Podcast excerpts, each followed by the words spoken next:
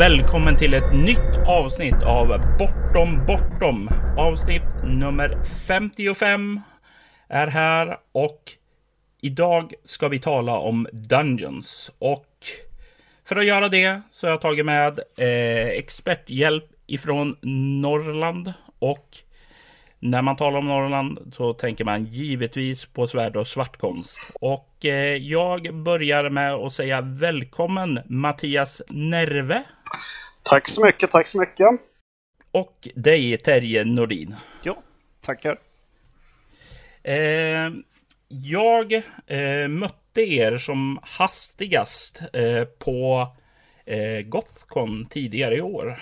Eh, mm. Eller jag mötte er båda eller mötte jag bara en av er? Vi hälsade i alla fall. Ja. Jag tror att vi hälsade på varandra ja, ja, nej, men jag, mötte, jag mötte, vad heter det, två stycken vid bordet så att säga. Mm. Så eh, det känns som jag träffar. Men det är ju så många personer på konvent och sådant så eh, man vet aldrig riktigt där. I alla fall inte när man inte träffats tidigare vi ska ju som sagt var tala om Dungeons idag och eh, ni skriver ju ett, eh, ja, ett rollspel som heter Svärd och svartkonst. Om, vad heter det, jag ber er att presentera svärd och svartkonst, vad skulle ni beskriva rollspelet som då? Jag skulle beskriva det som ett grymt OSR-rollspel på svenska, inspirerat av pulp och weird fiction ja, det här OSR. Vad är det för eh, lyssnare som hör er nu? Ja, eh, det är en förkortning som står för Old School Revival. Eller uh, Old School Renaissance eller Revolution eller ja. Kärt barn har många namn. Ja men precis. Och um, uh, dels kan du syfta på uh, äldre rollspel i största allmänhet, men mer precis är det ju egentligen ett begrepp som används inom eh, Dungeons and Dragons och liksom re relaterade spel. Så, så um, uh, Dungeons and Dragons som man spelade det på 70 och början av 80-talet är väl det, det de flesta kanske menar med, med det här begreppet.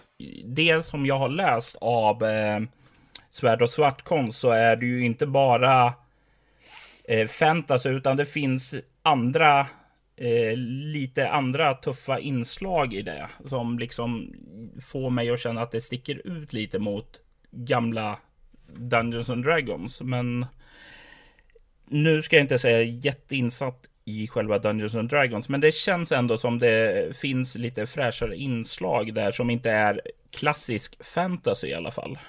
Ja. Skulle du säga att jag är ute på rätt bana i alla fall? Eh, ja, eh, alltså vi, vi har ju inspirerat oss som sagt av, av ja, eh, äldre, äldre tiders eh, fantastik då. Eh, ja, man kan väl säga att, att det som hände innan Sagan om ringen. Um, ja. Och uh, när det gäller Dungeons and Dragons så var det väl, så var det väl sånt som, som uh, Gary Gygax själv var inspirerad av. Sen tog han ju in Orcher och, och uh, Alver och sånt eftersom det var, det var populärt på 70-talet. Um, mm. Men, men om man tänker författare och så, så är det väl eh, Lovecraft, eh, Robert E. Howard, Clark Ashton Smith och, och, den typen av, av fantastik som, som vi framförallt brinner för. Eh, mm. Och det är ju, det är ju innan eh, de här gränserna mellan, mellan skräck, eh, fantasy och eh, science fiction riktigt var satta i sten så att säga. Det är lite mer flytande, genreöverskridande helt enkelt. Det mm. kan... Mm. Och vi, vi, tyckte att det kändes fräscht och, och intressant liksom att det inte riktigt fanns något sånt spel på svenska. Ja, nej, nej, men absolut. Det, det, finns många olika fantasyspel, men många känns ju som väldigt väl så klassiska high fantasy-rollspel. Svärd och svart konst då känns ju definitivt, tycker jag, eh, som lite mer Eh, ja, det är en fr frisk vind helt enkelt. Tackar. Om vi ska, innan vi går in på att börja tala om Dungeons och sådant, så tänkte jag, jag brukar ta och presentera mina gäster för våra lyssnare. Och eh, jag, jag, jag, brukar ställa några frågor. Och jag tänkte, ni, ni får dem också, precis som alla andra. Eh, om vi går tillbaka, rollspel. När, hur och varför brukar jag ställa fråga. När började? du? Hur gick det till och varför fortsatte du? Mattias, eh, hur, hur kom det sig att du blev rollspelare? Eh, ja, eh, det var en kompis storebrorsa som eh, visade upp Öknens krigsherrar. Denna fantastiska produkt till Sagan om ringen-rollspelet. Det borde ha varit 1989 eller möjligtvis 1990. Eh, och omslaget av Angus McBride var ju, var ju fantastiskt. Och sen så gav han en ganska, ganska flytande beskrivning av hur, hur man egentligen spelade det här spelet. För det fanns ju ingen spelplan. Eh, mm. Och i min, min föreställningsvärld så, så, skulle man liksom rita upp kartan själv och, och liksom upptäcka eh, Sagan om ringen-världen. Liksom, och kanske framförallt vad som fanns utanför kartan. Sådär. Eh, och det, det fastnade jag hårt för. Jag har alltid tyckt om kartor och utforskande och så. Oh. Eh, om vi säger som så, eh, hur, hur kom det sig? Alltså, för jag, jag, känner igen det här, man ser bilden, man blir eh, fångad av dig. För mig var det ju Elric-omslaget till eh, Dodd 87. Och eh, man dras in dit och sedan så blir det här problemet med att eh, men hur spelar man då? Eh, hur lyckades du lista ut det själv eller var det någon äldre vän eller hur kom det sig att du fick igång första spelmötet? Ja, eh, jag tjatade ju på, på min eh, mamma eh, tills hon köpte Sagan om ringen-rollspelet till mig. För, eller i julklapp var det. Och sen så tvingade jag min, min moster att spelleda det för mig. Eh, så hon, hon läste i princip upp spelexemplet. Eh, sådär, och så fick vi agera liksom. Eh, ja, de olika karaktärerna i det exemplet. Så jag tror att det är några, några äventyrare som utforskar ett torn och där finns det orcher sådär. Sen blev det väl inte så mycket mer av det. Men, men hon var väldigt snäll som, som ställde upp och, och faktiskt spelade det här spelet med mig på självaste julafton. Ver verkligen, verkligen. Eh, eh, och Terje då, eh, din första gång. Mm. Hur kom det till? Um, ja, till att börja med så köpte jag uh, soloäventyret Falken Mekanon. Mm. Uh, vilket ju var ett science fiction soloäventyr som om, om uh, tidsresor och grejer som uh, äventyrsspel gav ut. Uh, jag köpte det på science fiction-bokhandeln i Stockholm har jag för mig. Och mm. uh, det spelade jag själv och tyckte väl var kul och sådär. Um, så det var väl lite grann en, en smygstart liksom. Men sen så kom det igång på riktigt när uh, jag såg att det hade getts ut någonting som hette Stjärnornas krig, rollspelet. Och eh, det här blev jag eld och lågor över och, och, önskade mig till julklapp. Och det var julen 1988 när, när det spelet gavs ut. Mm. Eh, och då fick jag det av min mormor och eh, det skulle få större konsekvenser än vad hon nog kanske kunde föreställa sig då.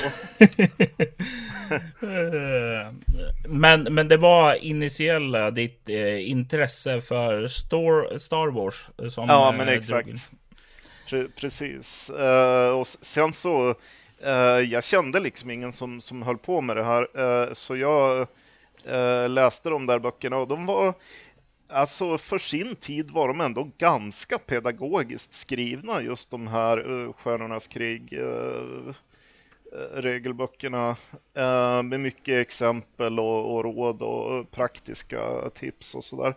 Um, så uh, jag vet inte om det var Uh, om du det, hade ingen det... snäll moster, moster som kunde hjälpa dig? Nej, ty tyvärr. Nej, jag, jag, jag, fick klara mig på egen hand. Utan jag, jag, jag var spelledare på det första spelmötet uh, där jag körde introäventyret som fanns i de där böckerna i lådan där. Mm. Um, och eh, det var en hemskt förvirrande upplevelse, men vi hade väl tillräckligt kul för att det skulle vara lönt att fortsätta liksom. eh, sen så skrev jag mitt andra äventyr eftersom jag ännu inte hade köpt något ytterligare äventyr till spelet. Eh, och det äventyret skrev jag som ett soloäventyr är skrivet. Så jag skrev det liksom paragrafer med eh, val, gå till ett eller två, tre, fyra sådär. Eh, det var lite speciellt.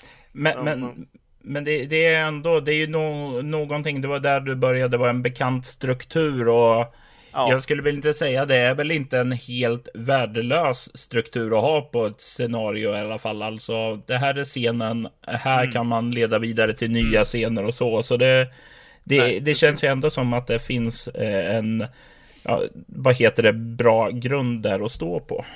Precis.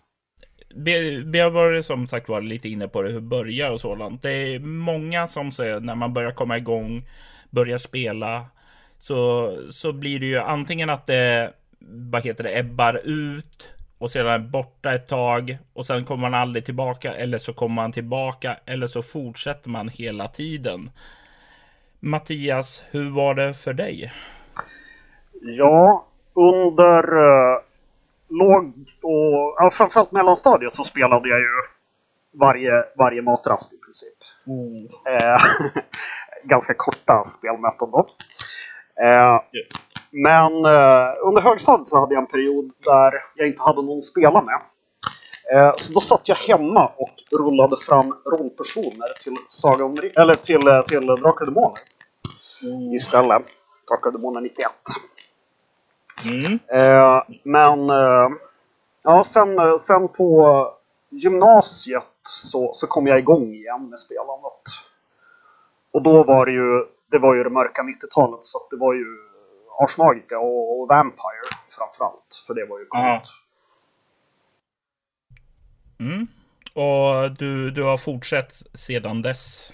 Ja, eh, mm. sen dess så har det väl varit, kanske inte ett spelpass i veckan, men eh, eh, ja, ibland har det ju varit mer än det. Ibland har det varit kanske tre spelpass i veckan, men, men några gånger i månaden. Det, det, det, det är härliga månader, eller härliga veckor eh, när det är tre spelpass i veckan tycker jag. Mm, mm. Eh, det kan bli lite stressande nästan. Absolut. Eh, Terje, Eh, hur var din eh, utveckling som spelare? Mm. Um. Ja, jag, jag, fortsatte väl att spela efter det under högstadiet och uh, i gymnasiet så spelades det ju en hel del i uh, samma spelförening och spelgrupper som, som uh, Mattias också kom i kontakt med i, i uh, Örnsköldsvik.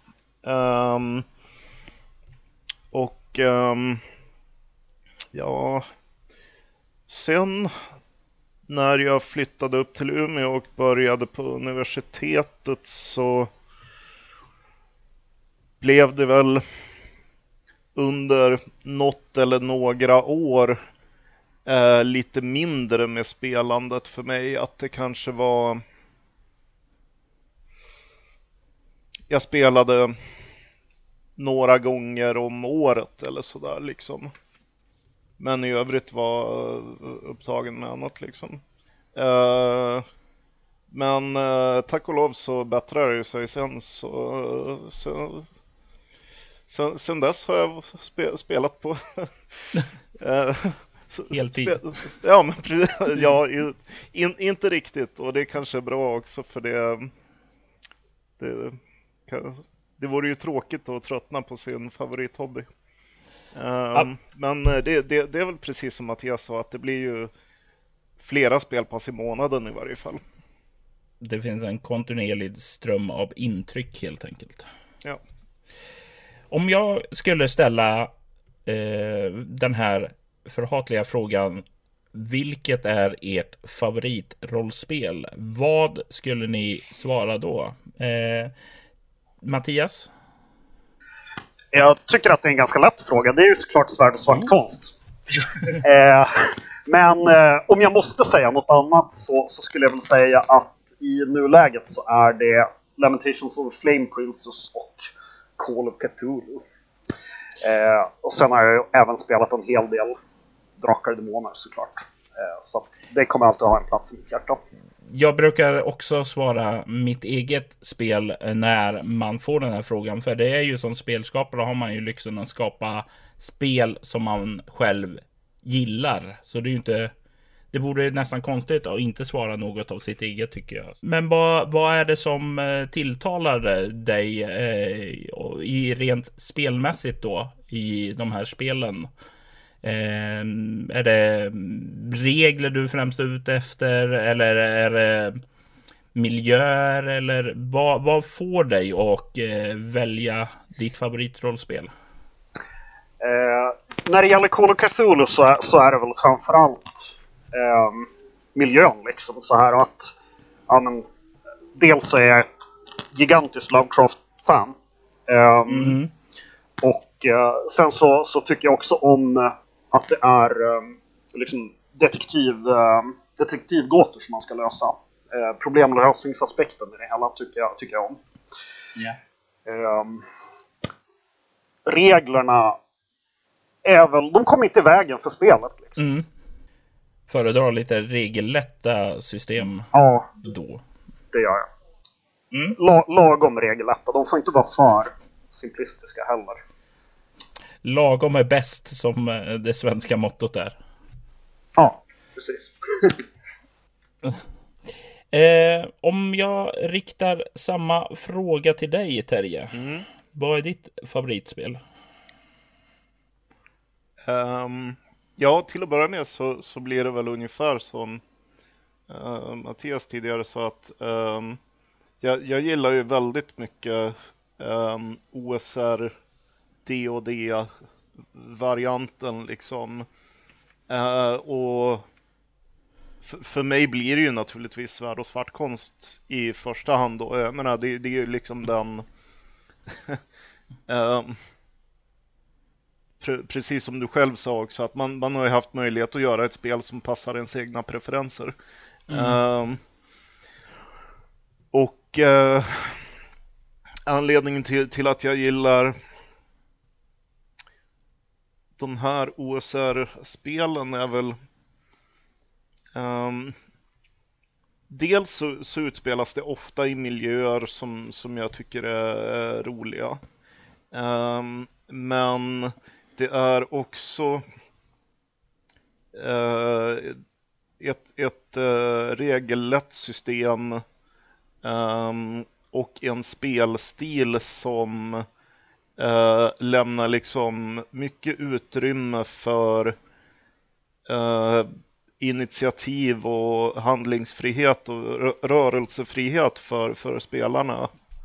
Um, mm genom att det, det är vanligtvis äventyr som eh, liksom inte har en det finns inte så mycket av en, en handling som är fastslagen, eller fastslagen, men liksom som är, det är inte så att det är ett antal scener som är tänkta att följa på varandra eller sådär, utan det är liksom, det, det, är en plats, det finns några olika saker här som ni kan vilja kolla på. Eh, de kanske är farliga eller inte, det finns några invånare här, de kanske inte vill samma sak som ni, hur ska ni hantera allt det här? Och så är det öppet liksom. Mm. Um, och det det tycker jag är kul. Sen uh, är jag, även jag uh, gillar Lovecraft och uh, tycker det är kul att spela Call of Cthulhu. Både vad gäller de här historiska miljöerna mm. som är kul. Um, lite kostymdrama-aktigt sådär. Um, men också det här problemlösandet, mysteriet att uh, försöka uppdaga ledtrådar och uh, lista ut hur de hänger ihop och uh, ja, sådär. Det, det låter ju, det låter, jag kan sympatisera med mycket i det där som du säger. Just någonting som kittlar fantasien och vill få den att vilja gräva vidare helt enkelt. Mm. Precis. Jag brukar också fråga så här. Har ni när ni tänker tillbaka något sånt här favoritminne från en rollspelsomgång? Någonting som eh, verkligen gjort ett intryck på er? Eh, Mattias? Ja, eh, jag har många minnen och alla kanske inte lämpar sig för offentliga sammanhang. Eh, men jag kan berätta om när vi besegrade en trollarmé i Pathfinder. Mm ja, vi, vi var ju då som eh, ansvariga för ett, för ett mindre landområde och sådär och skulle hålla befolkningen säker och så. Och ja, eh, trollen som bodde i området tyckte inte att, att vi hade där att göra. Eh, men vi lyckades i alla fall eh, reta upp den här armén. Eh, så att en del av den, eh, ja, de, de, delade upp sig och eh, halva armén ungefär förföljde oss. Liksom. Eh, och då hade vi förberett en eh, leråker med hjälp av vår druid där de eh, fastnade helt enkelt, stora och tunga troll. Eh, och så eh, sköt vi dem fulla av eldpilar och eh, avslutade med att leverera eh, Trollkungens avhuggna huvud till, till ja, det som var kvar av armén. Eh, och ja, vi förklarade att eh, vi skulle inte visa någon nåd mot trollen, men deras eh, allierade, orcher och vättar och sånt, de hade fri lejd om eh, de la ner vapnen och gick därifrån. Eh, och sen så var det bara att titta på medan de slog ihjäl varandra. Uh. Um, Terje, ja. ett minne från dig? Det finns ju jättemånga saker man skulle kunna ta, men en sak som jag kom att tänka på när du ställde frågan var att eh, jag spelade i en hemmagjord kampanj till eh, Dungeons and Dragons 3.5 för en massa år sedan. Och eh, då spelade jag en eh, munk som hette Nebt Sutek. Han var en slags gnostisk anarkist skulle man kunna säga uh, i sin läggning. Um, och uh, det hände sig som så att vi besökte en dungeon som var en slags Pandoras ask ungefär. Här hade mängder av dåliga saker spärrats in för att skydda världen. Eh, jag kommer faktiskt inte riktigt ihåg vad vi var där för att göra.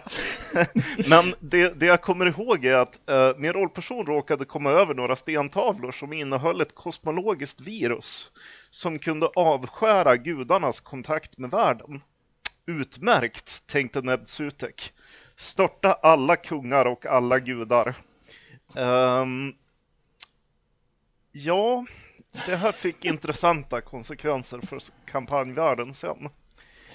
Uh, det, det var kul. Uh, även om det absolut inte gick så som min rollperson hade hoppats att det skulle gå. Det, det, det brukar sällan gå som en rollperson tror att det ska gå, är min erfarenhet. Mm. Um, Ja, eh, spännande. Eh, vad, sa du vilken, eh, till vilket rollspel det var? Ja, uh, Dungeons and Dragons 3.5, men det, det, mm. det, var en hemmagjord kampanj och sådär. Men ja.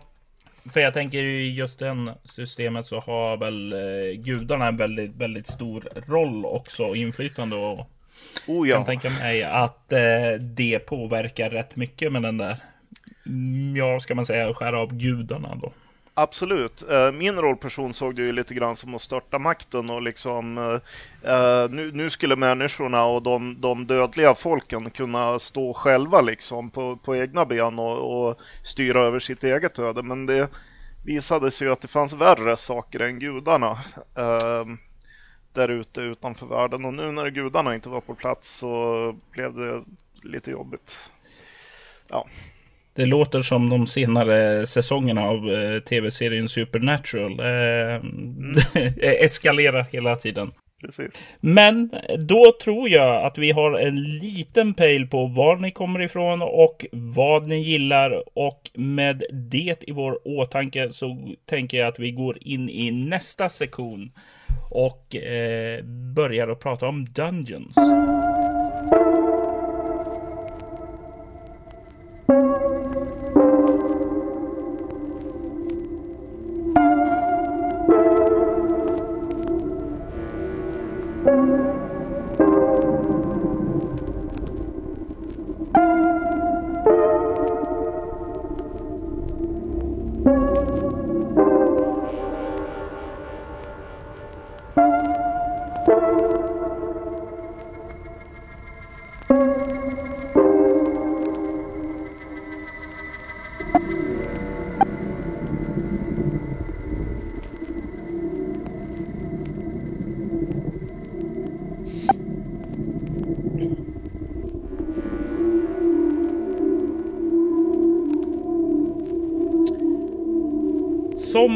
Jag sa så skulle vi tala om Dungeons och eh, min erfarenhet av Dungeons börjar ju i Drakar och Demoner, alltså ett fantasy-rollspel. Det är dit man beger sig för att eh, finna skatterna och döda monster. Eh, ett av mina absolut tidigaste minnen eh, var ju från äventyret Skönheten och odjuret. Eh, utforskande av en gammal tempelruin. Eh, mm. Och eh, sedan givetvis så ja, eh, så var det alla de här andra tidiga eh, äventyren till Drakar som man upplevde. Svartduell, Spindelkonungens pyramid och sådant. Eh, så för mig så var Dungeons i början väldigt, väldigt mycket eh, kretsat kring fantasy. Och jag, jag tänkte höra med er Mattias och Terje. Vad är er erfarenhet av Dungeons? Eh, Terje, du kanske vill börja? Ja, det kan jag göra. Eh, många av mina favoritminnen från rollspel kommer från olika slags Dungeons i, i bred mening i varje fall. Um, mm. Den förmänskliga staden på Antarktis i Beyond the Mountains of Madness mm. till uh, Call of Cthulhu. Um, de obehagliga, djupt obehagliga köttborgarna i uh, Tribate, uh, ett uh, kanske inte speciellt välkänt men väldigt unikt säreget eh, postapokalyptiskt fantasy-skräckspel. um, och eh, de mystiska komplexen i den avlägsna framtiden i eh, eh Numenera. Mm. Eller Numenera. Uh, hur, man, hur man nu säger. Um, Kärt barn har många namn. Det är nästan som Cthulhu. Det har lika många ja. tal som uh, folk som säger det. Precis. Uh, och just nu så spelar jag i en kompis hemmagjorda Mega Dungeon som heter Under. Och en me Mega Dungeon är ju ett lite specialbegrepp så här. Det, det, det är alltså um, en dungeon som är så himla stor att den är fokus för en hel kampanj.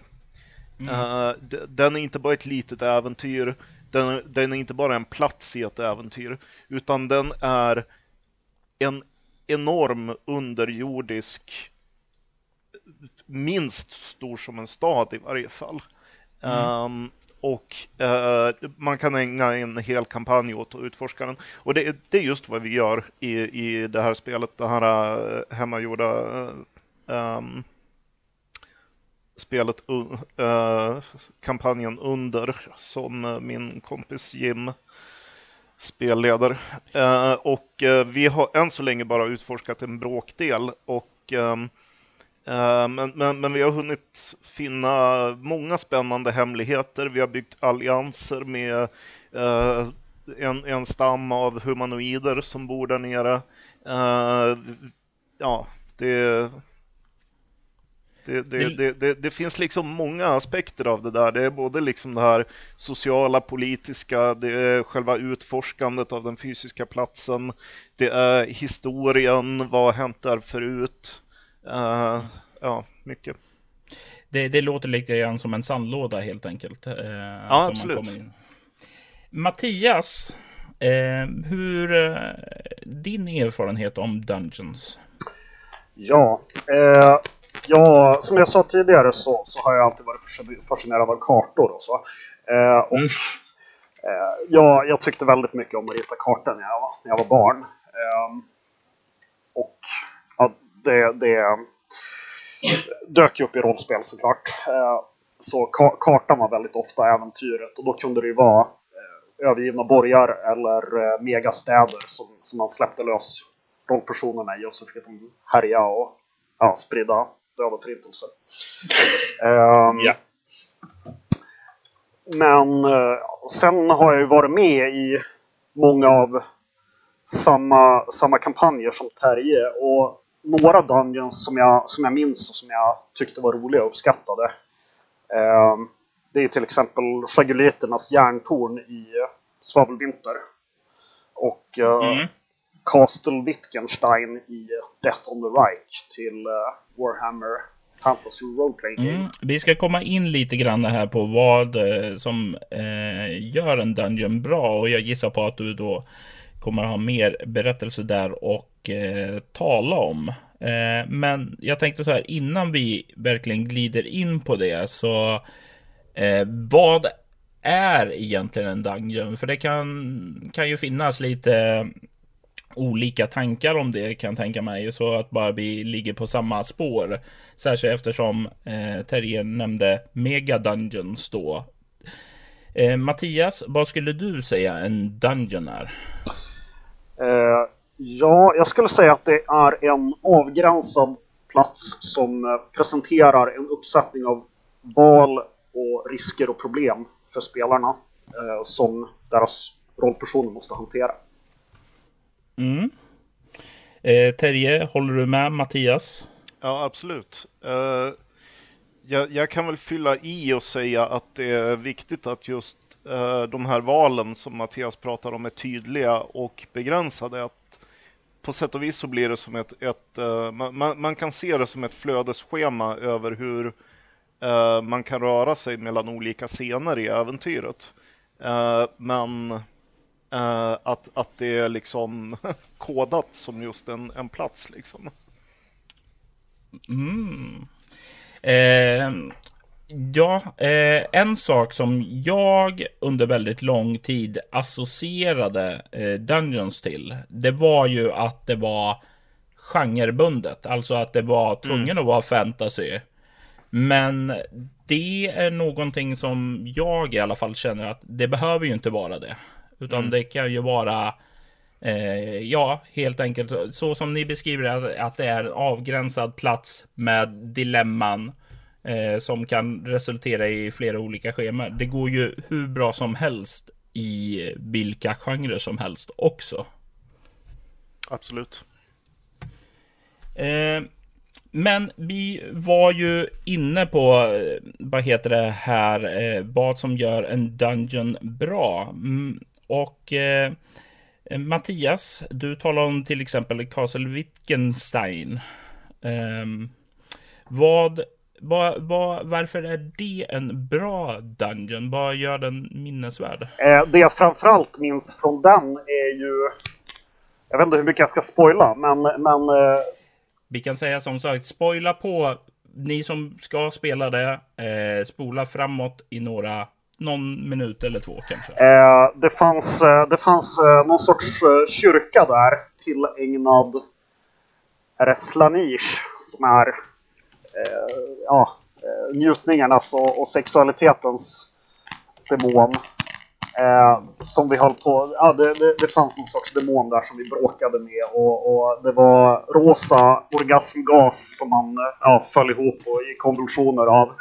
Eh, och, och vi, vi löste det på ett väldigt old schooligt sätt. Liksom, genom att så här, man fick binda ihop sig med rep och så sen så fick en rusa in och slåss liksom. Och, och så fick vi hala ut dem sådär. Um, och uh, vi gick ju inte igenom he hela den, för det, det verkar vara ett jättestort komplex. Um, men, men det verkar finnas massor av områden där som, som är spännande liksom och sådär. Mm. Sen om jag får ta ett annat exempel som, eh, som, jag, som jag är väldigt stolt över så är det vårt gratisäventyr ur den svartaste jord. Eh, det är en kuslig kyrkogård till svärd och svart konst och den innehåller det som jag personligen tycker är ja, viktigast med en bra dungeon. Mm. ja. Den finns på nätet och ladda ner? Eller? På? Drive-Through RPG. Då tycker jag vi gör som så att vi lämnar en länk i eh, det här avsnitts eh, i det här avsnittsinlägget så alla kan gå och springa dit och kika hur en dungeon ska gå till enligt Mattias då. Oh. Terje, har du några eh, bra minnen från eh, Dungeons? Några särskilda som du känner du vill mm. dela med dig?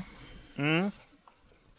Um, jag tänkte ta ett exempel som... Jag, jag valde det här exemplet avsiktligt just för att många svenska rollspelare kanske är bekanta med, med den.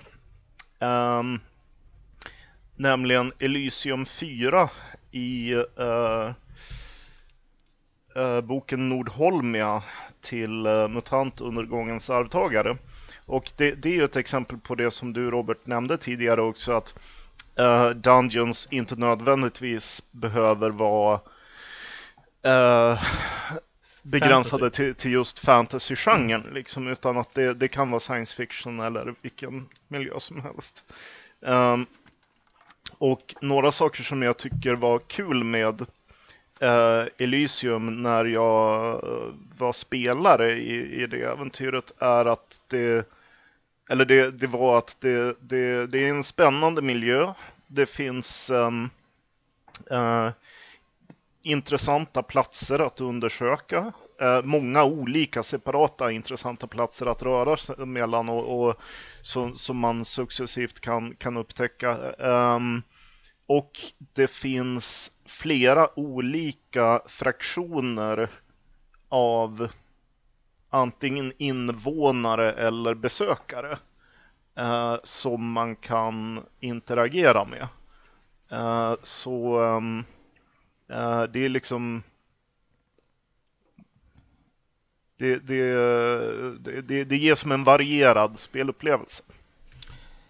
Det, det, är intressant när du säger det, för liksom när jag tänker på eh, en bra Dungeon för mig så tänker jag ju Eh, på Oraklets fyra ögon. Eh, det är ett av deläventyren, det röda ögonet, så är man iväg för att leta efter en eh, vad heter det, ett av oraklen då. Du kommer in i en miljö där du har, eh, vad heter det, nej, eh, det vita ögat, inte det röda. Eh, där du kommer in i en miljö, du har två mäktiga magiker som du kan interagera med. Du har massa mm. konstiga magiska föremål. Det finns även en yttre fara äh, som äh, liksom pushar situationen så att det inte är äh, statiskt utan det blir hela tiden en dynamik till miljön i sig inne i själva dungeon där. Och mm. det, det, känns lite grann som ett av de här viktigaste ingredienserna då är ju att det finns mycket för spelarna att slita i där. Alltså att utforska, peta på, gå, gå i fällor och så vidare och så vidare. Precis. Om, om vi då kollar vad gör en Dungeon dålig? Mattias, har du några idéer på det? Eh, ja, det har jag. Eh, dels eh, linjära dungeons är problematiska, om man får använda ett sånt ord, tycker jag. Eh, jag tycker att eh, torn till exempel är ju alltid ett problem. Eh, eftersom det nästan naturligt blir liksom en räcka av, av rum. Mm. Eh, om, om eh, vi går tillbaka till, till eh, det vita ögat i Oraklets fyra ögon så eh, det utspelar sig ju i Torn. Yeah. där har de ju, där, eller där har han löst det genom att ha en teleportationsmekanism också för att bryta upp det här linjära lite grann. och yeah. det, det är ju bra. men, men annars så, så Dungeons bara är en räcka av rum där det bara finns en väg att gå. Det, det ska man undvika. Det är ett spårvagnsäventyr i Dungeon-format. Uh, ja, och då blir det...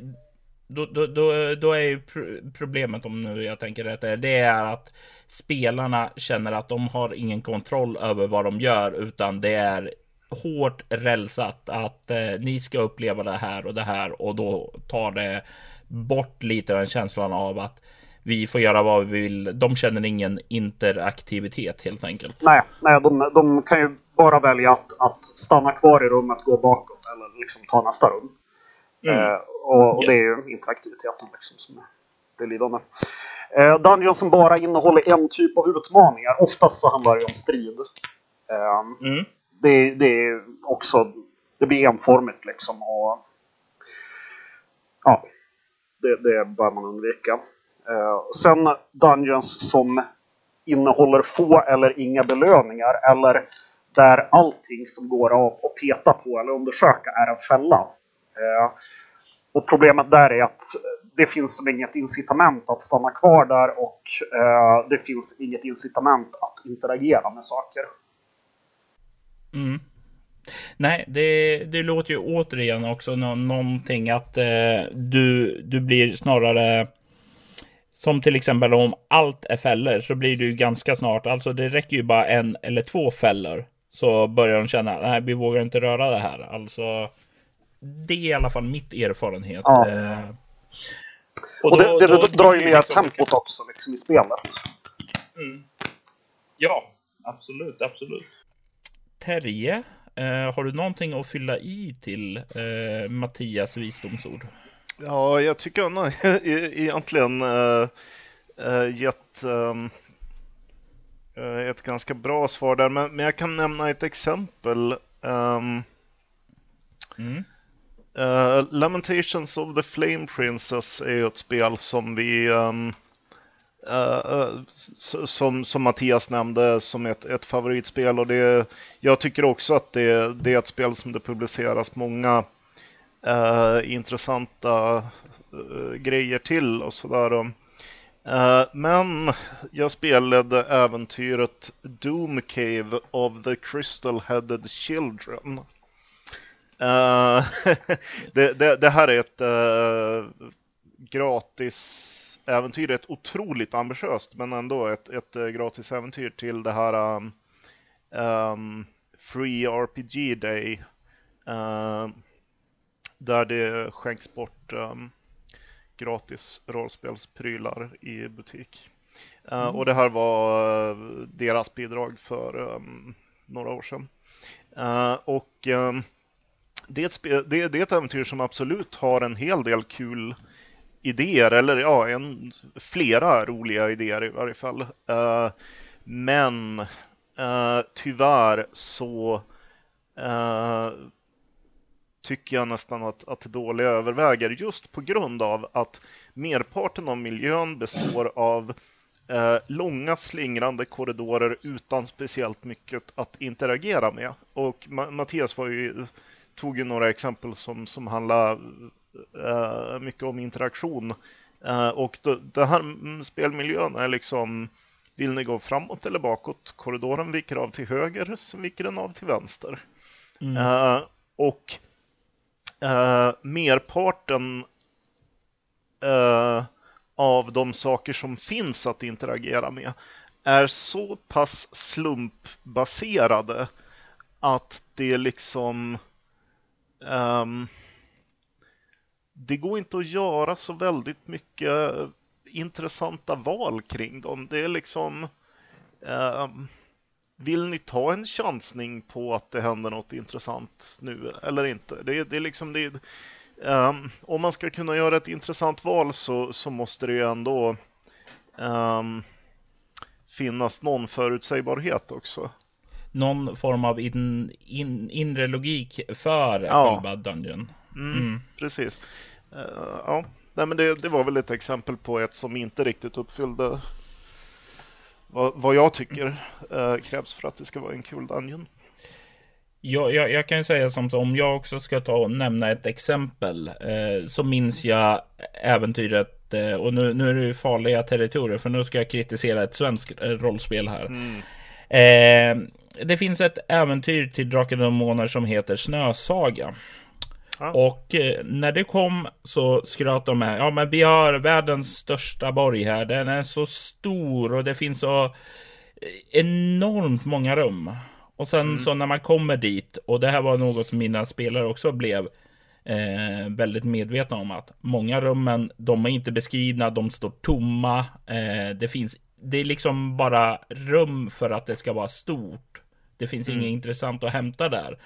Så den här maffiga upplevelsen som det byggdes upp emot, det fick liksom eh, bara, den föll pladask för det fanns ingenting som motiverade alla rum där. Och mm. det var ju lite grann det som mycket av det Mattias sa också. Att visst, det, det var inte rälsat eller så, men eh, du kunde gå i vilket rum du ville, men det var väldigt få rum som betydde någonting överhuvudtaget.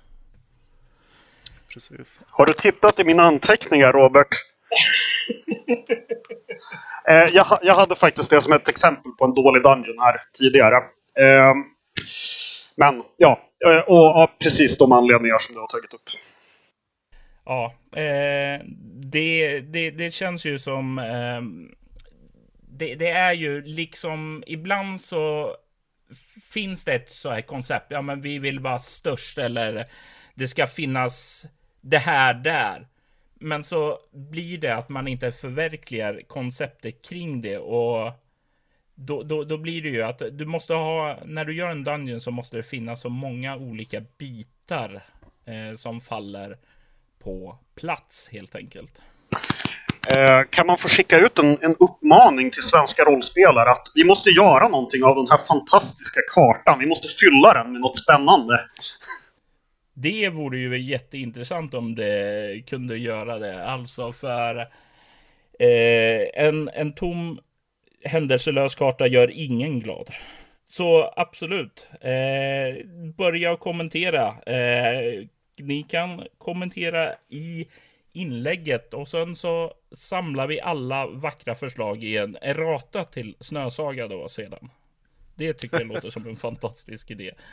Eftersom vi är lite inne på det nu så tänker jag att vi hoppar lite i vårt vackra körschema och tar och pratar lite om vad som man kan tänka på när man skapar en dungeon. Ehm, jag tänker ju att eh, nu har vi talat lite vad som är bra och vad som är dåligt. Så eh, vad kan vi göra bättre? Eh, Mattias, eh, förutom att eh, fylla eh, faktiskt tomma hål i vår dungeon-karta. Vad kan vi tänka på att göra då? Vad för positiva saker och vad för dåliga saker?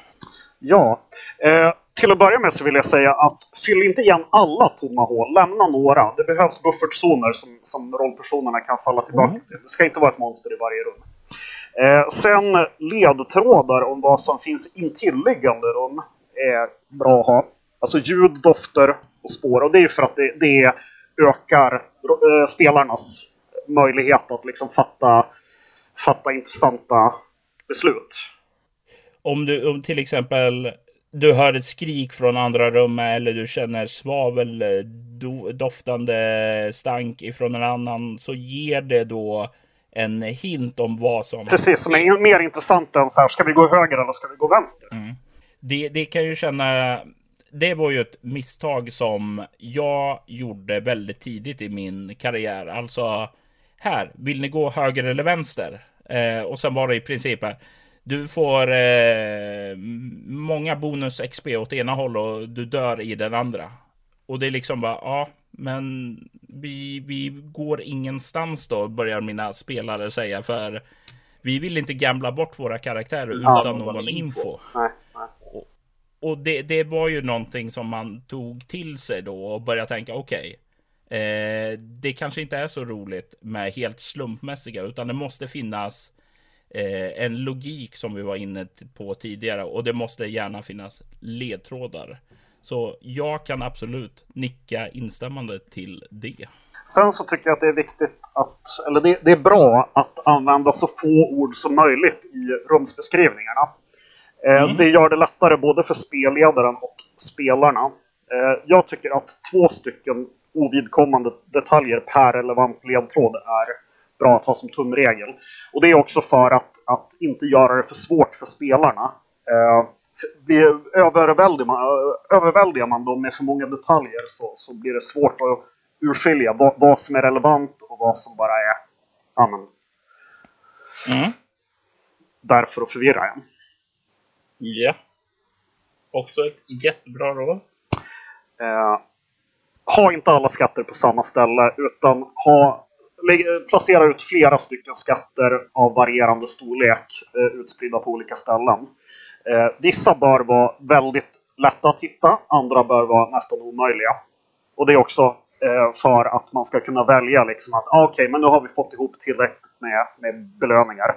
Eh, nu, nu kan vi dra oss tillbaka. Liksom. Man måste inte pressa, pressa på till bossrummet så att säga. Mm. Och eh, det finns alltid en anledning att komma tillbaka. Det är en jättebra sak. Det är lite grann det som eh, jag, jag, jag spontant tänker på eh, vad som innan tv-spel kallas för Metroidvania. Att eh, man stöter på ett ställe och ser nej, vi kan inte komma in dit för vi har inte nyckel, vi kommer inte upp dit eller så vidare och så vidare. Och sen hittar man sak in Dungeon och ser, men vänta nu, nu kan vi komma in där borta. Och då ger det ju möjlighet också att vidare utforska eh, den här platser som eh, man inte var på i början, men man anade i alla fall. Ja, precis. Eh, ska jag fortsätta och ge fler exempel? Eller? Ja, vi, vi, kan ta en liten paus där och låta Terje tala, för eh, annars så får, har du väl bockat av Terjes alla. Men vi kan återkomma till dig. Terje, har du några tankar och idéer? Mm.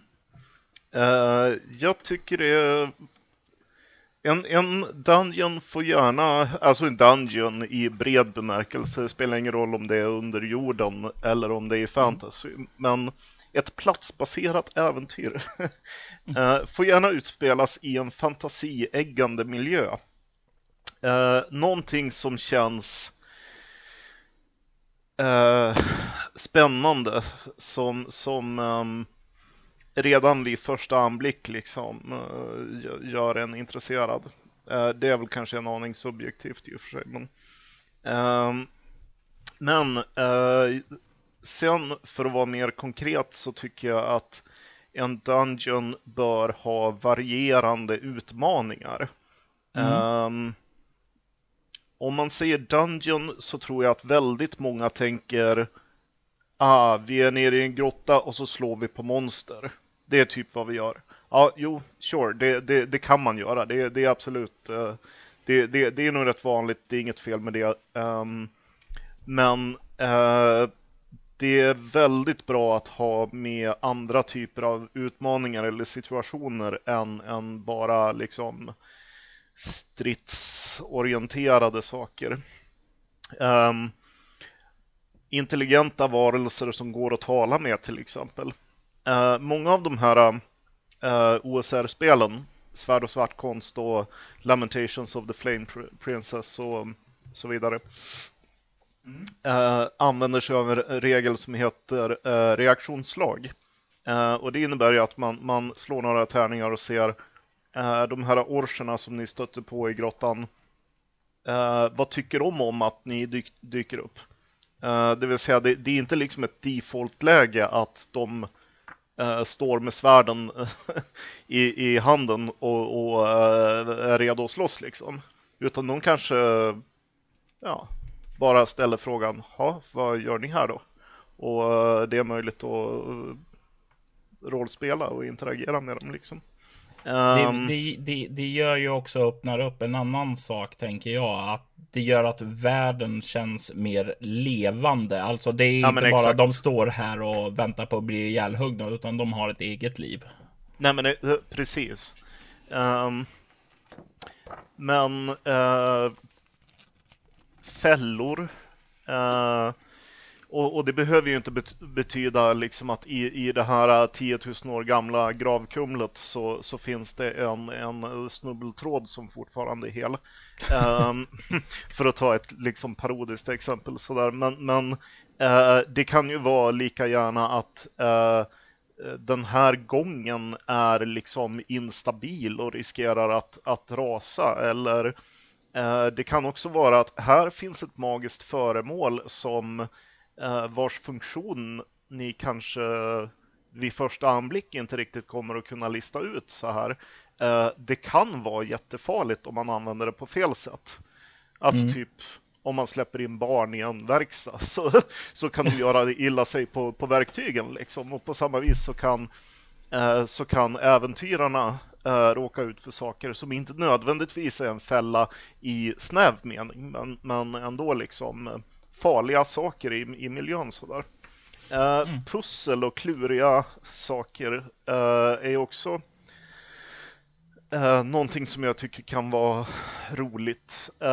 Det kan ju vara allt ifrån mysterier med ledtrådar och sådär lite grann som Call of Cthulhu och detektivmysterier och sådär. Men, men det kan ju också vara liksom att, att lista ut eh, kodlås eller ja, vad det nu kan vara liksom. Ehm, men eh, överhuvudtaget att, att ha liksom eh, varierande utmaningar och varierande olika typer av situationer som rollpersonerna kan hamna i. Eh, och uh, får se, vad var det jag tänkte? Jo, fraktioner bland invånarna tror jag har nämnt tidigare. Men eh, det, det, det tål att upprepas eh, att om det finns folk som befolkar den här platsen eh, så är det kul om de kanske inte är helt homogena och helt liksom um, um, enade. Det kanske är olika typer av varelser som bor här.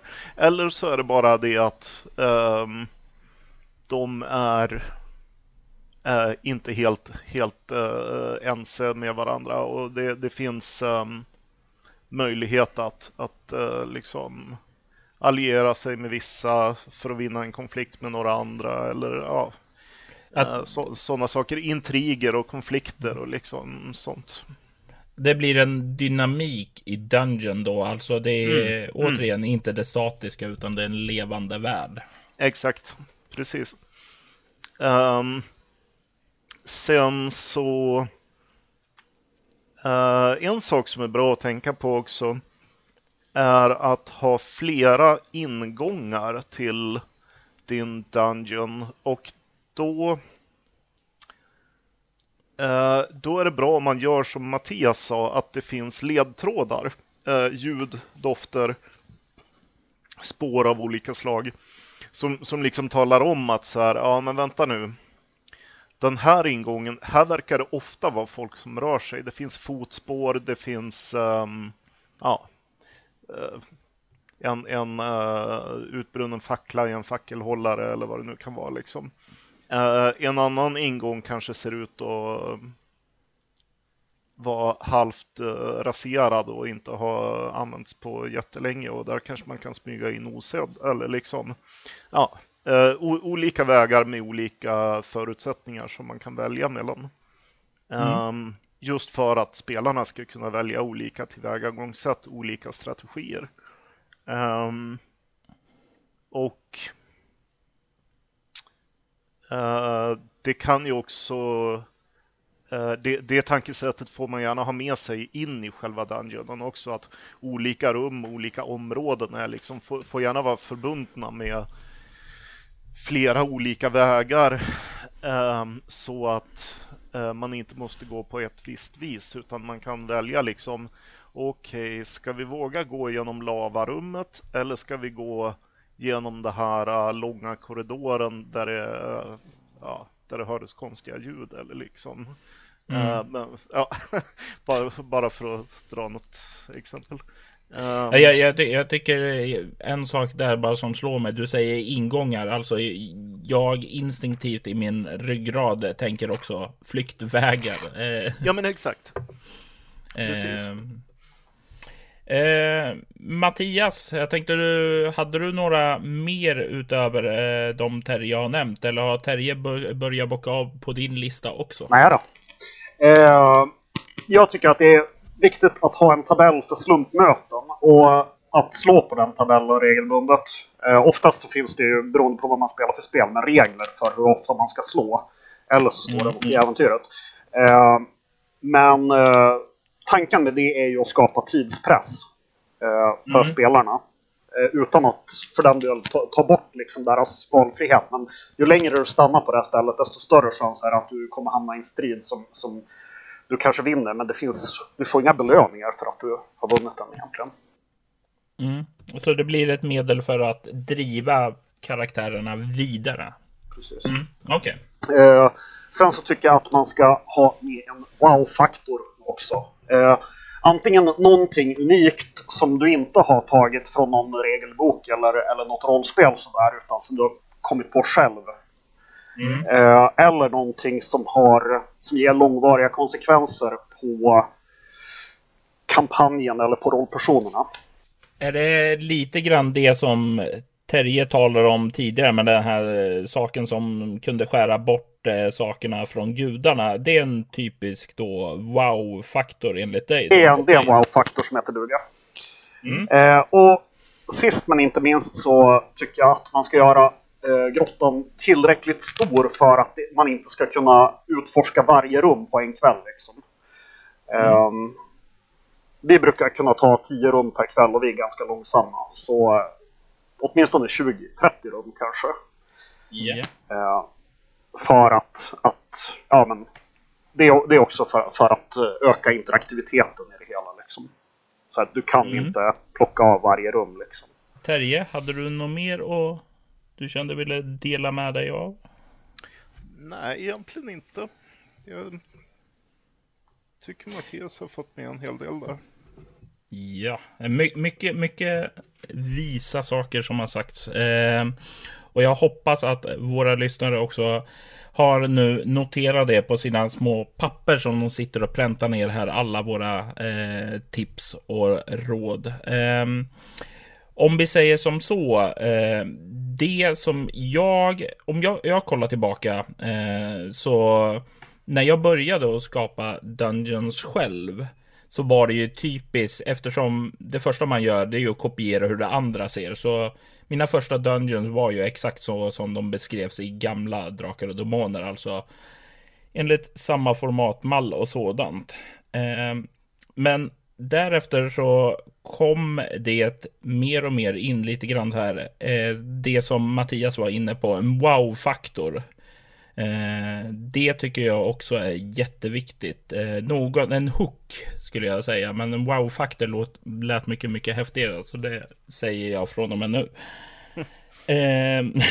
och för det är liksom, det kan vara allt ifrån en mäktig artefakt, en skatt eller sådant till att, eh, ja men vänta nu, den här Eh, om vi ser den största wow-faktorn i min, den favorit-dungeon som jag har skapat själv. Mm. Det är när i rollspelet Bortom, där de finner Noaks ark. Mm -hmm. Ett gigantiskt skepp eh, som är lätt blottat ur marken. Och de får sedan röra sig ned i den och börja utforska. Oj. Och det, det blir ju så här bibliska personer som förekommer i skrifter. Det finns förtrollade saker där nere. Det finns saker som man hittar i ett rum som påverkar annat. Det finns en, eh, vad heter det, massa sådana här små saker. Men just själva stora wow-faktorn att det är Noaks ark. Och det här var någonting som jag hade gått omkring och undrat från no eh, barnsben vad coolt det vore att hitta den någon gång i någon utgrävning mm. eller sådant. Och det, det var en sån där sense of wow-faktor som eh, jag tog med mig när jag gjorde Dungeon själv då. Eh, så att verkligen levandegöra något koncept tycker jag är viktigt. Så om du som skapar en Dungeon har en, någonting som du brinner för så kommer det också märkas när du skapar det, förhoppningsvis i alla fall. Att är du passionerad om något så kommer dina spelare också märka av passionen. Men om vi nu går in lite i det här som spelledare. Eh, om du nu inte skapar din egen Dungeon utan du skaffar dig ett köpäventyr, du sätter dig ned för att spelleda och sådant. Vad bör man tänka på då? Eh, finns det några särskilda saker eh, som vi kan förbereda oss med? Mattias? Eh, ja, eh, jag tycker att man ska vara sparsam med detaljer när man beskriver miljöerna. Eh, och engagera spelarna genom att låta dem ställa frågor istället. Alltså att man bygger upp beskrivningen mer som en dialog än som en infodump, eller vad man säger. Oh, det är jättebra tips där. Eh, för det finns långa beskrivningar zonar man lätt ut som spelare. Det minns jag från barndomen, höll jag på att säga, ungdomens dagar. Mm. Nej, och sen så tycker jag att, eh, som sagt, kom ihåg att rulla för slumpmöten. Eh, och finns det regler för så här, överraskningsslag, reaktionsslag, mötesavstånd och moralslag så glöm inte att slå dem. Eh, varje möte ska inte vara en strid och rollpersonerna bör ha en chans att fly. Och fienderna mm. slåss väldigt sällan till sista man. Terje? Uh, ja, dels så var vi tidigare inne på Eh, att en Dungeon kan eller kanske bör vara en dynamisk miljö som, som du uttryckte det. Att um, uh, varelser och spelledarpersoner som man stöter på uh, är liksom inte um, någon slags statisk rekvisita utan uh, de agerar och de reagerar och det, um, det, det kan man tänka på när man förbereder spelpasset, att man kollar liksom vilka är det som bor eh, eller åtminstone befinner sig på den här platsen. Um, och eh, vad håller de på med? Vad, vad har de för motivationer? Vad är deras agenda liksom? Um, kan de vilja ha någonting av rollpersonerna? Uh, ja, sådana saker.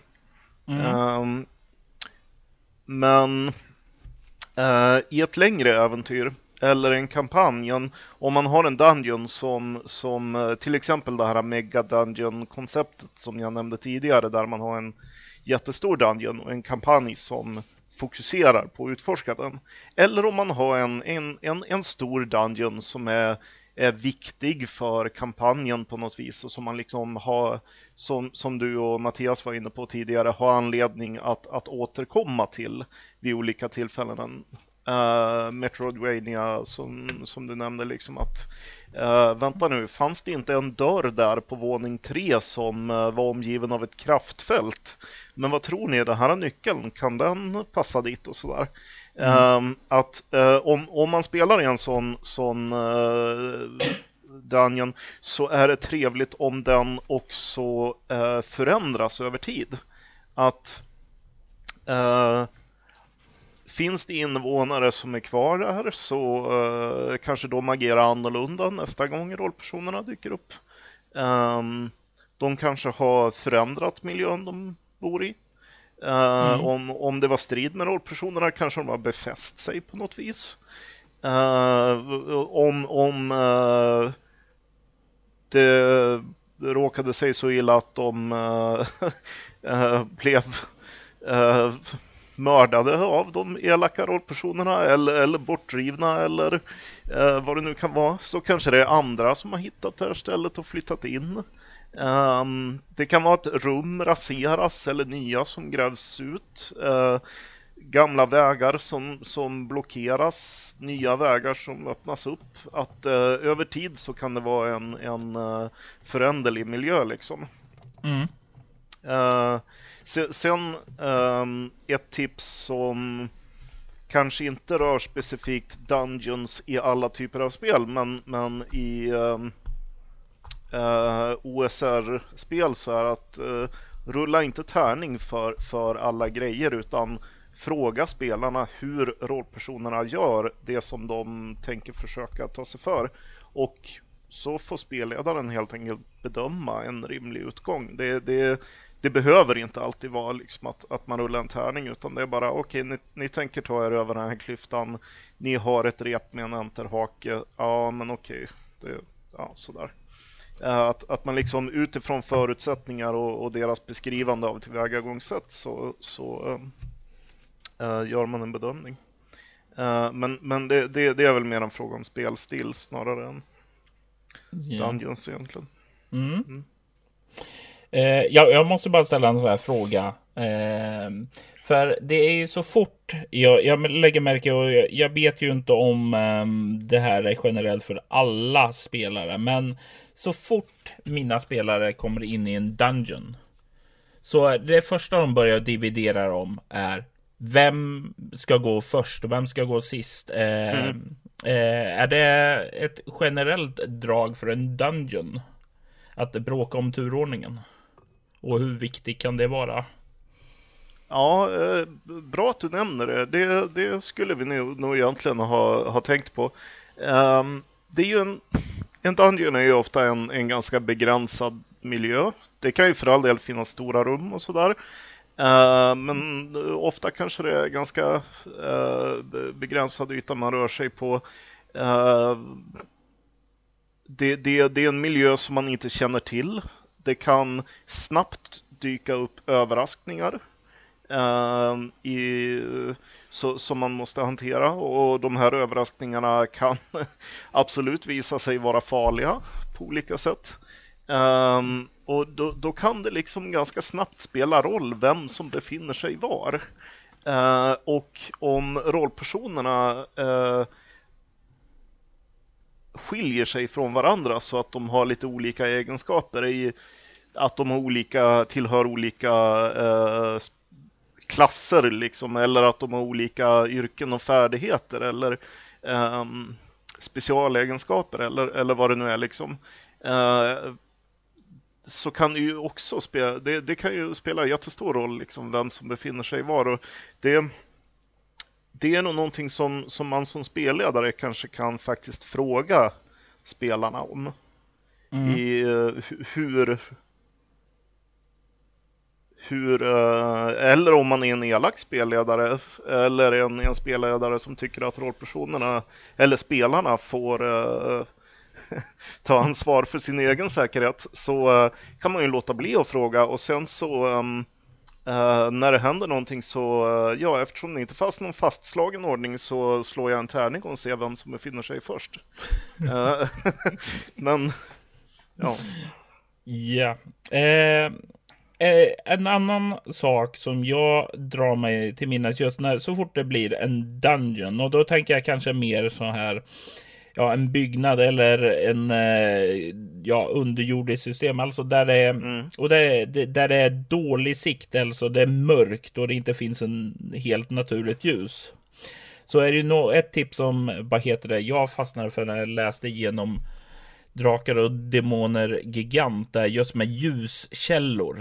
Eh, det är någonting som alltid sitter eh, i mitt bakhuvud. Eh, dels så observerar jag ofta som spelare, okej, okay, kommer de att ta med sig ljuskällor? Då? Hur många ljuskällor har de? Eh, kommer de kunna ta slut? Eller i moderna sättningen kan man tjorva med batterier och sådant. Eh, för när du utforskar och har dig där nere i en mörk dungeon, om du blir av med ditt mörkerseende eller ditt vanliga seende och inte har ett mörkerseende, ja men då är det jävligt utlämnad.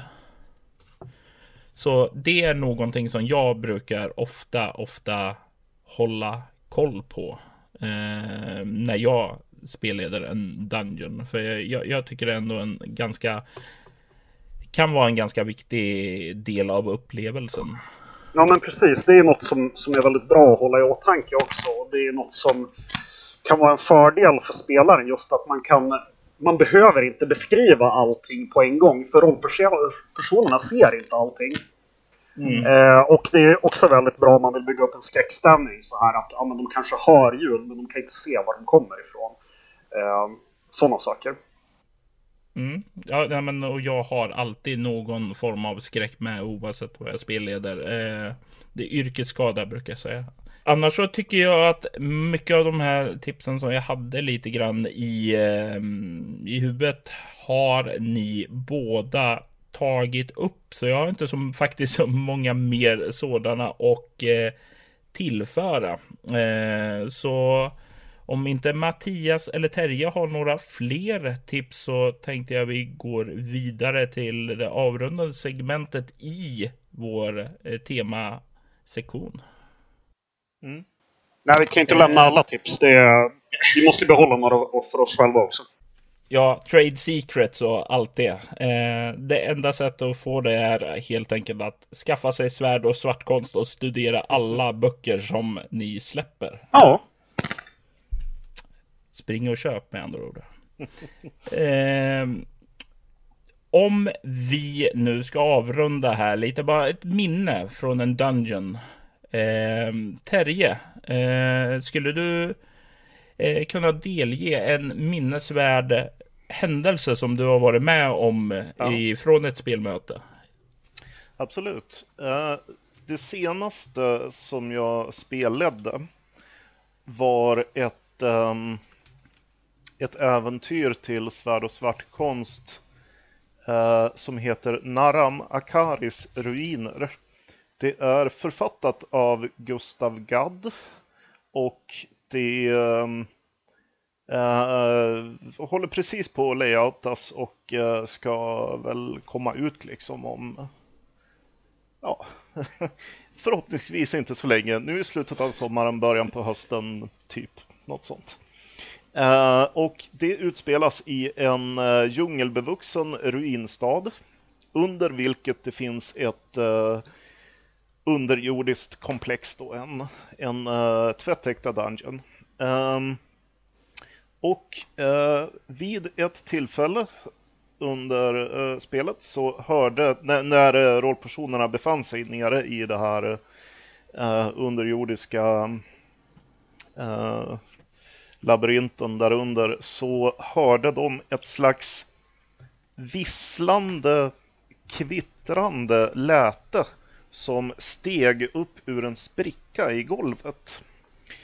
Um, nu visar det sig att uh, en av äventyrarna hade med sig en fiol i sin utrustning. Uh, det kanske inte tillhör uh, Eh, den mest arketypiska Dungeoneering-utrustningen med rep och eh, långa käppar och spikar och sånt där som man ska ha med sig ner. Eh, men hon hade med sig en fiol och prövade att härma melodin i det här kvittrande, visslande lätet. Och fiolspelaren fick då en slags kontakt med den här mystiska visslaren där nere i djupet och liksom jammade tillsammans en, en stund. eh, vilket var ett, ett ganska roligt annorlunda möte som jag absolut inte hade förutsett skulle, skulle ske.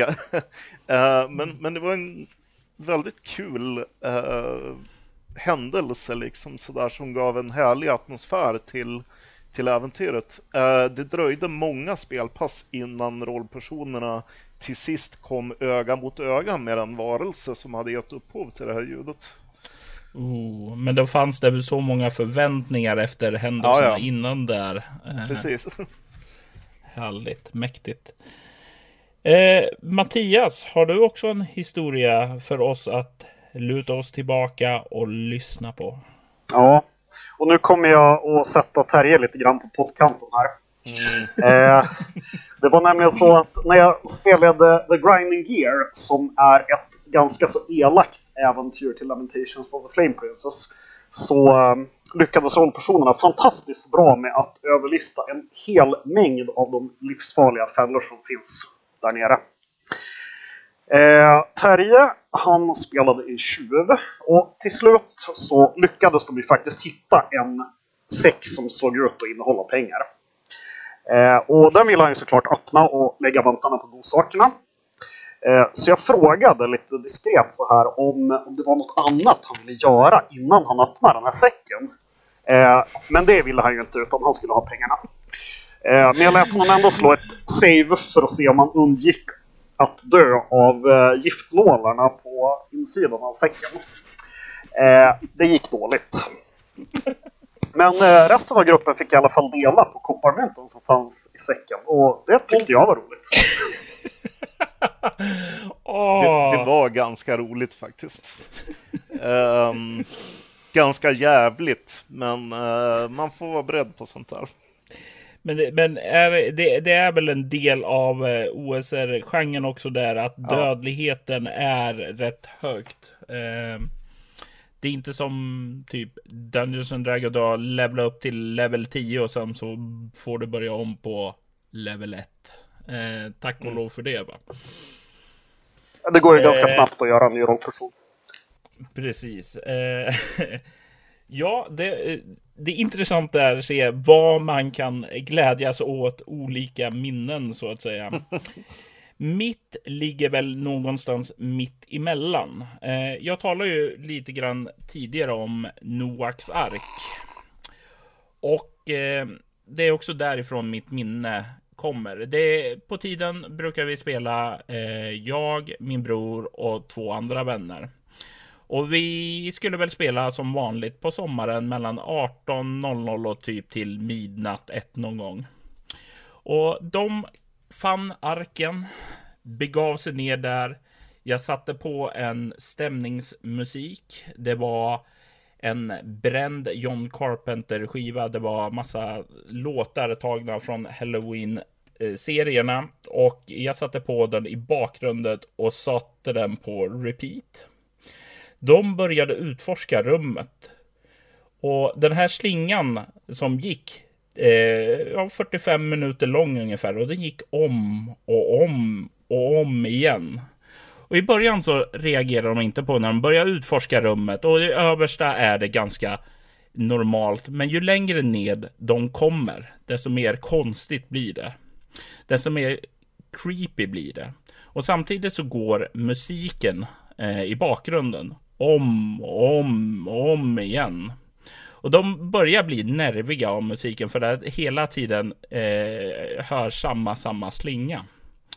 Och de, vad heter det, blir allt mer skraja för vad som sker. Och det, det, det känns som allting flyter på bra här. Jag, jag får de olika rummen att trigga med deras karaktärer. Jag lyckas förmedla stämningen. Och eh, sedan så liksom till slut når de eh, sista rummet. Eh, klimaxet kommer och det är över. Och vi kollar på klockan. Den är fem på morgonen. Eh, det, det, tiden hade liksom helt suddats bort. Vi blev så inne i det just för det lyckades ta tillvara på den här Dungeons stämning. Så jag och min bror åkte hem. Vi var väl hemma ungefär sex. Han fick sova en halvtimme innan han skulle åka in till jobbet, sitt sommarjobb sedan. Mm. Och det, det, men vi alla hade så himla härliga minnen från det. Så det är nog mitt favorit Dungeon minne. Härligt. Eh, och med det så har vi nått slutet på vårt Dungeon-tema. Och jag hoppas att ni lyssnare har fått massor med tips. Både som skapare och som spelledare som ni kan ta med er till era spelbord. Och kom ihåg, Eh, uppenbarligen finns det massor med fler tips i svärd och svartkonstböckerna. Så om ni vill ha ännu mer så vet ni var ni får dem.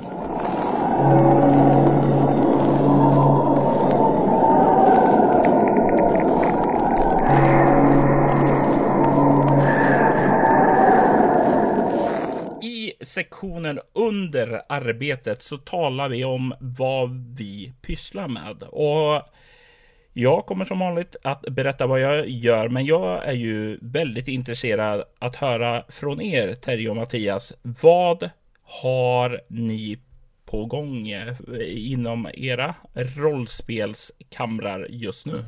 Ja, vi har en hel del på gång faktiskt. Dels så har vi ju Narmakaris ruiner som vi har pratat om tidigare. Det är alltså ett maffigt grottäventyr författat av Gustav Gadd. Eh, och där så får vi följa i spåren av en försvunnen expedition till en förmänsklig ruinstad i djungeln. Det kommer bli trappstegspyramider, hemska apor och luriga pussel. Trappstegspyramider är de bästa pyramiderna vill jag bara tillägga. Ja, absolut. Eh, sen så har vi också Månens krigsherrar som vi jobbar på. Eh, det är en stor kampanjmodul som eh, kombinerar fantasy, science fiction och kosmisk fasa. Eh, jag hade en dröm om att utforska månen med en av mina rollpersoner och det här, den här kampanjen är liksom svaret på ja, vad jag tycker att han borde ha hittat där. Precis, det är lite synd att han inte får utforska den själv då. Ja. Eh, men det är ju alltid så. Eh, Ja. Den här eh, kampanjmodulen är tänkt att kunna fungera som en plugin-setting eh, i en annan kampanjvärld. Mm. Eh, så man kan använda den till sin, till sin favorit, favoritkampanj. Hur är det med svärd och svartkonst? Är det så att det finns en värld eller finns det många random världar eller hur har ni tänkt där? Tanken är väl att, att man ska använda det till, alltså att man bygger upp en egen kampanjvärld eh, som man kan använda.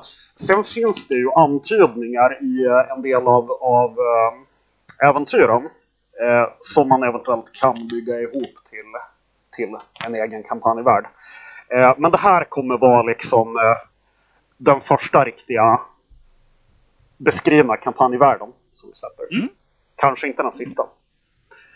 Det hoppas vi inte. Ehm, sen har vi också eh, två ytterligare eh, saker på gång här. Det är dels ehm, eh, ett crowdsourcat äventyr.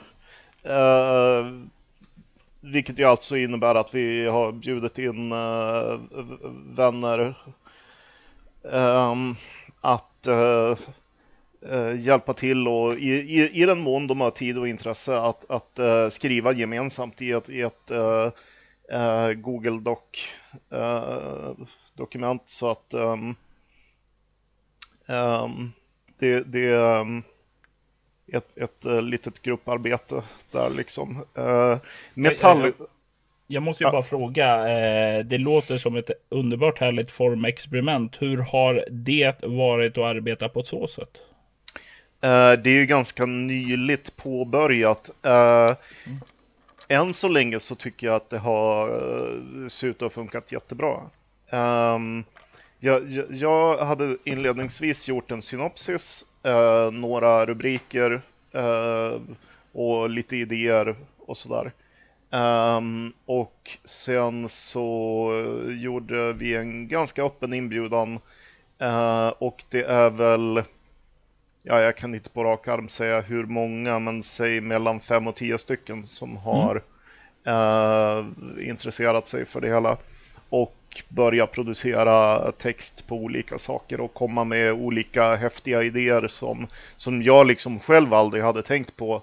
Eh, och, så det blir, blir jätteroligt att se vad de eh, hittar på liksom. Um, äventyret heter Metallgudarnas rike. Det är ehm, en, eh, ett örike eh, där eh, en stadsstat och stamfolk i det kringliggande landet befinner sig i konflikt med varandra. Och i bakgrunden så finns då de här mystiska metallgudarna. Vad de nu är för några tänker jag inte gå in på här. Ehm, Och Eh, det tycker jag själv ska, ska bli spännande att se hur, hur det utvecklas, för det, det vet jag inte själv. Eh, och det, det känns jätteroligt faktiskt. Ehm, och sen har vi också en, en eh, väldigt kul sak som är på G är en kampanjmodul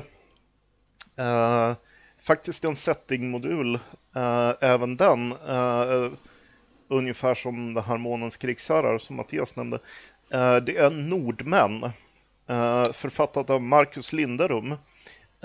Och den beskriver en slags värld inspirerad av nordisk historia och mytologi men som invaderas av uh, Lovecraftianska makter från bortom den kända världen liksom.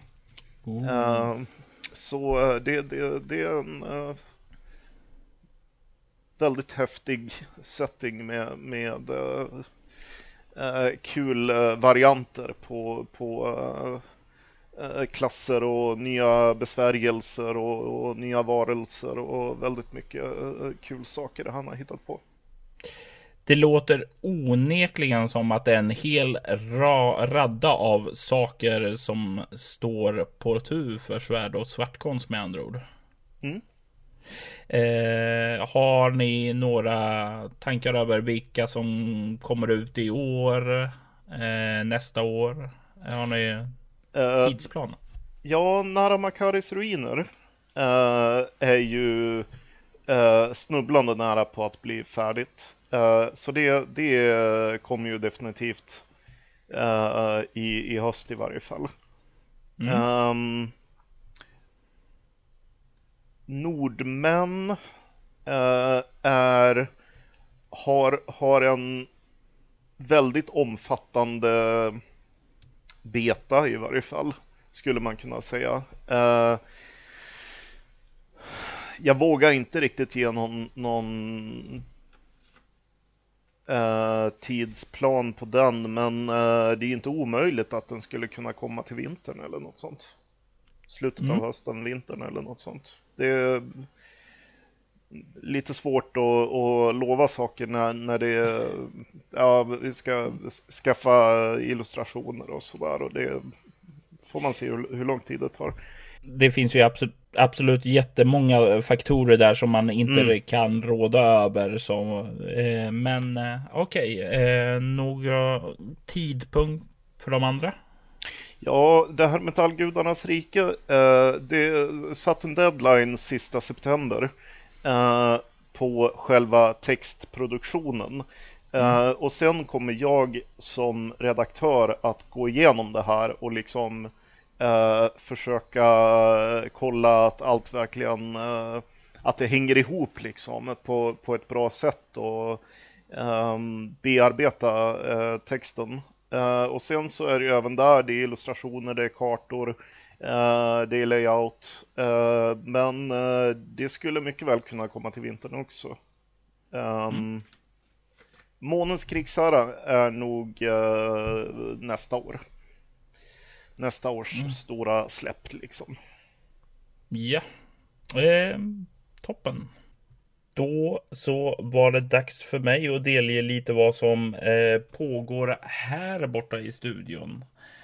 I det senaste numret av Fenix, nämligen nummer 4 2017, så finns det en recension på den senaste Leviathan-boken, eh, nämligen under ytan volym 1. Åsa Ros som recenserar den där har en del intressanta ord att säga om den. Jag menar, hur kan man inte vara nöjd när man får ord som scenariot utsätter den för händelser där nere i djupet som kunde vara regisserad av James Cameron i sitt esse. Eh, och jag menar, det är väldigt, väldigt positiva ord. Eh, betyget blev 12 av 20. Utöver det Eh, så pågår arbetet fortfarande med Svart Svan. Eh, mer och mer blir klart. Eh, tanken är att jag ska sätta igång i augustis senare hälft. och börja layouta det nu. Det känns som att det börjar närma sig färdigställandet nu och det känns så, så skönt. Så förhoppningsvis framåt hösten så kommer boken Svart Svan och den kommer att bli eh, gigantisk. Eh, troligtvis ligga lika, ja, i samma tjocklek nästan som Leviathan blev. Så det kommer att vara någonting och eh, sätta tänderna i framåt spelhösten när ni återvänder från era solsemestrar. Slutligen eh, så talade jag om eh, soloäventyret i förra podcasten. Men för er som missade vad soloäventyret är så kan det beskrivas som Tänk tillbaka på de gamla soloböckerna eh, där man får göra olika val och sådant. Lite grann det tar jag med mig in i en Youtube-kanal. Eh, jag kommer att spelleda en kortare, eller rättare sagt beskriva, sätta stämning och allt sånt i en eh, scen som leder fram till ett viktigt val. Därefter får tittarna lämna kommentarer Eh, majoriteten avgör var man tar vägen, vilket scen eller vilken eh, moralisk beslut som gäller. Och det kommer gå på majoritetens val. Eh, och därefter en vecka senare kommer en ny video upp med samma eh, typ av grej. Och den här piloten då som jag tänker göra nu, den kommer vara i nio avsnitt eh, är tanken. Eh, en som presenterar allting eh, och ja, man kan säga nästan lite grann spelförberedelser eh, och etableringar.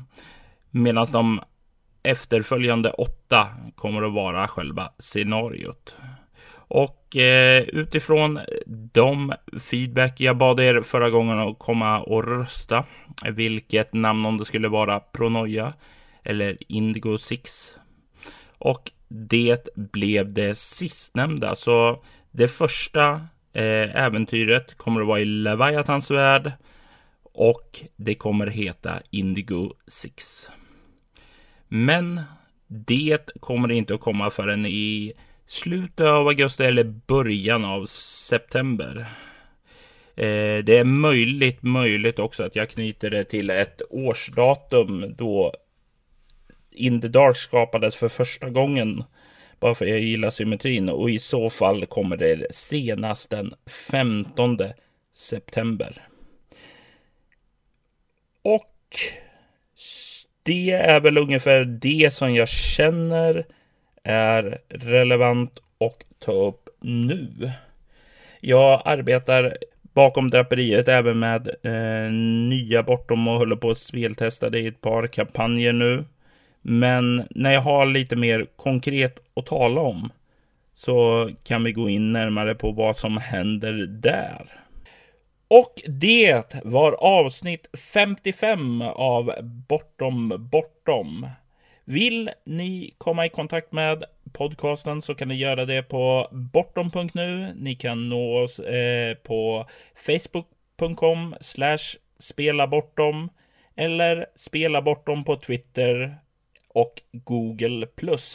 Givetvis kan ni mejla oss på info bortom.nu. Om man vill komma i kontakt med svärd och svartkonst eh, eller eh, med er personligen, hur går man tillväga då? Eh, ja, man kan ju kolla in våran blogg, eh, svartkonst.nu, eh, där vi brukar släppa lite material och, och uppdatera om vad, vad vi håller på med. När han faller på. Eh, vi finns också på Facebook och på Google+. Eh, och man kan mejla oss på info svartkonst.nu. Och med det säger vi... Hades!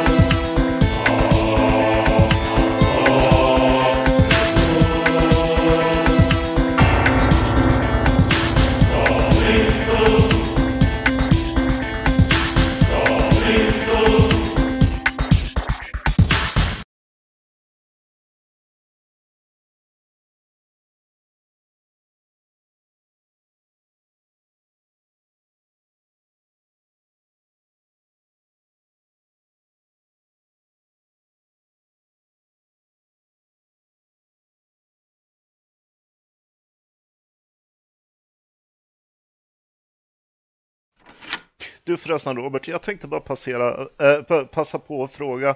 Den här Noaks ark-grejen, finns den i någon av böckerna till, till Bortom? Ja, i Noas sista drag.